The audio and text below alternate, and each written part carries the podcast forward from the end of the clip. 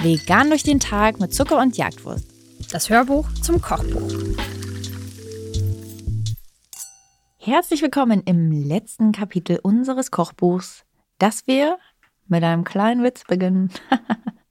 wir sind ja echt kleine, lustige Menschen, Lisa. Ähm, unser Grundrezept für dieses Kapitel ist veganer Blätterteig. Und wenn ihr dachtet, da kommt ein Rezept, nein.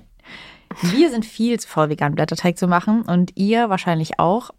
Ich finde auch, wenn man Snacks möchte, dann möchte man was Schnelles. Mhm. Oder was Schnelleres. Mhm. Man möchte auf jeden Fall nichts, dass man drei Tage vorher anfangen muss, ungefähr.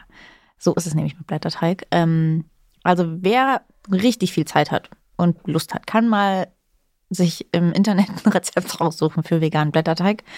Ähm, ich habe es mal gemacht und keine Ahnung, also ich finde, das ist jetzt den Aufwand nicht so sehr wert.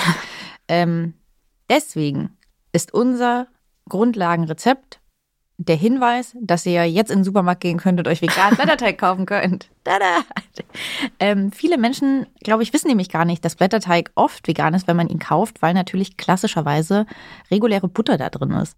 Allerdings ist der sowohl im Tiefkühler, da kriegt ihr so dickere Scheiben davon, die tiefgefroren sind, logisch, als auch in den normalen Kühlabteilungen, da sind die ab und zu so eingerollt als dünnere Blätterteigrollen. Die sind oft pflanzlich, wahrscheinlich, weil es denen zu teuer ist, hm. tierische Butter ranzumachen. Absolut richtig. Ähm, ich finde auf jeden Fall jetzt auch im Nachhinein es lustig, dieses Bild zu sehen wenn man sich denkt, ähm, es war schon übelstes aufwendiges Shooting und im Endeffekt haben wir so eine Blätterteigpackung aufgemacht, die Dinger gestapelt und dahingestellt und es abfotografiert. Aber also vielen das, Dank an die das Firma. Licht muss man ja auch ähm, erstmal einstellen, die ja. so übereinander zu legen, auch nicht so einfach. Ein bisschen auftauen lassen mussten wir sie auch schon auch, damit ja, war sie schon so aufwendig, ne, das, dieses Foto zu Eigentlich machen. Am längsten Aber Props an die Firma, die diesen Blätterteig hergestellt hat, dass wir das so schön hier abfotografieren konnten. Ich mag, das ist ähm, das, was gemacht. ihr auf dem Foto seht, ist dieser Tiefkühlblätterteig und ich mag den wirklich.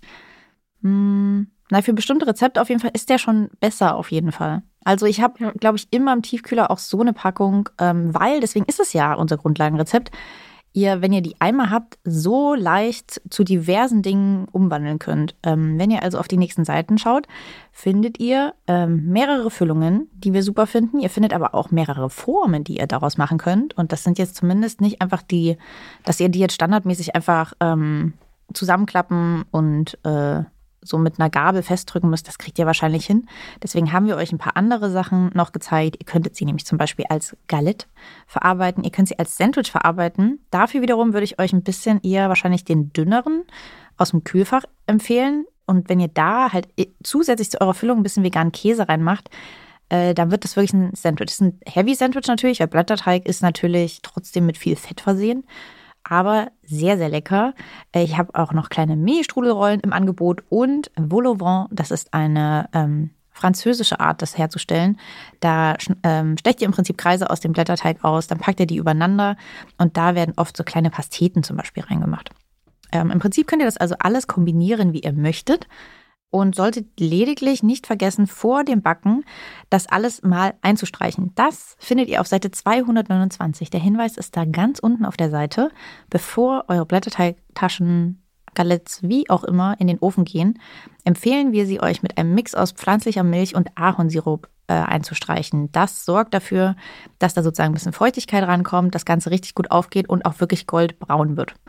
Ähm, ihr könntet auch Agavendicksaft verwenden, aber Ahornsirup hat allein durch seine eigene Farbe, die relativ kräftig ist, auf jeden Fall den Effekt, dass dadurch euer Blätterteig wirklich goldbraun wird. So, und damit schicken wir euch ähm, für dieses Rezept nicht in die Küche, sondern in den Supermarkt. Ähm, sucht nach einem kleinen Blätterteig und dann schon habt ihr dieses ähm, Rezept gepackt. Und wie ihr euch danach austobt, ist natürlich euch überlassen. Ähm, ja, ich finde, es ist ein würdiger Start für diese Kategorie, oder? Und wir sind uns für nichts zu schade.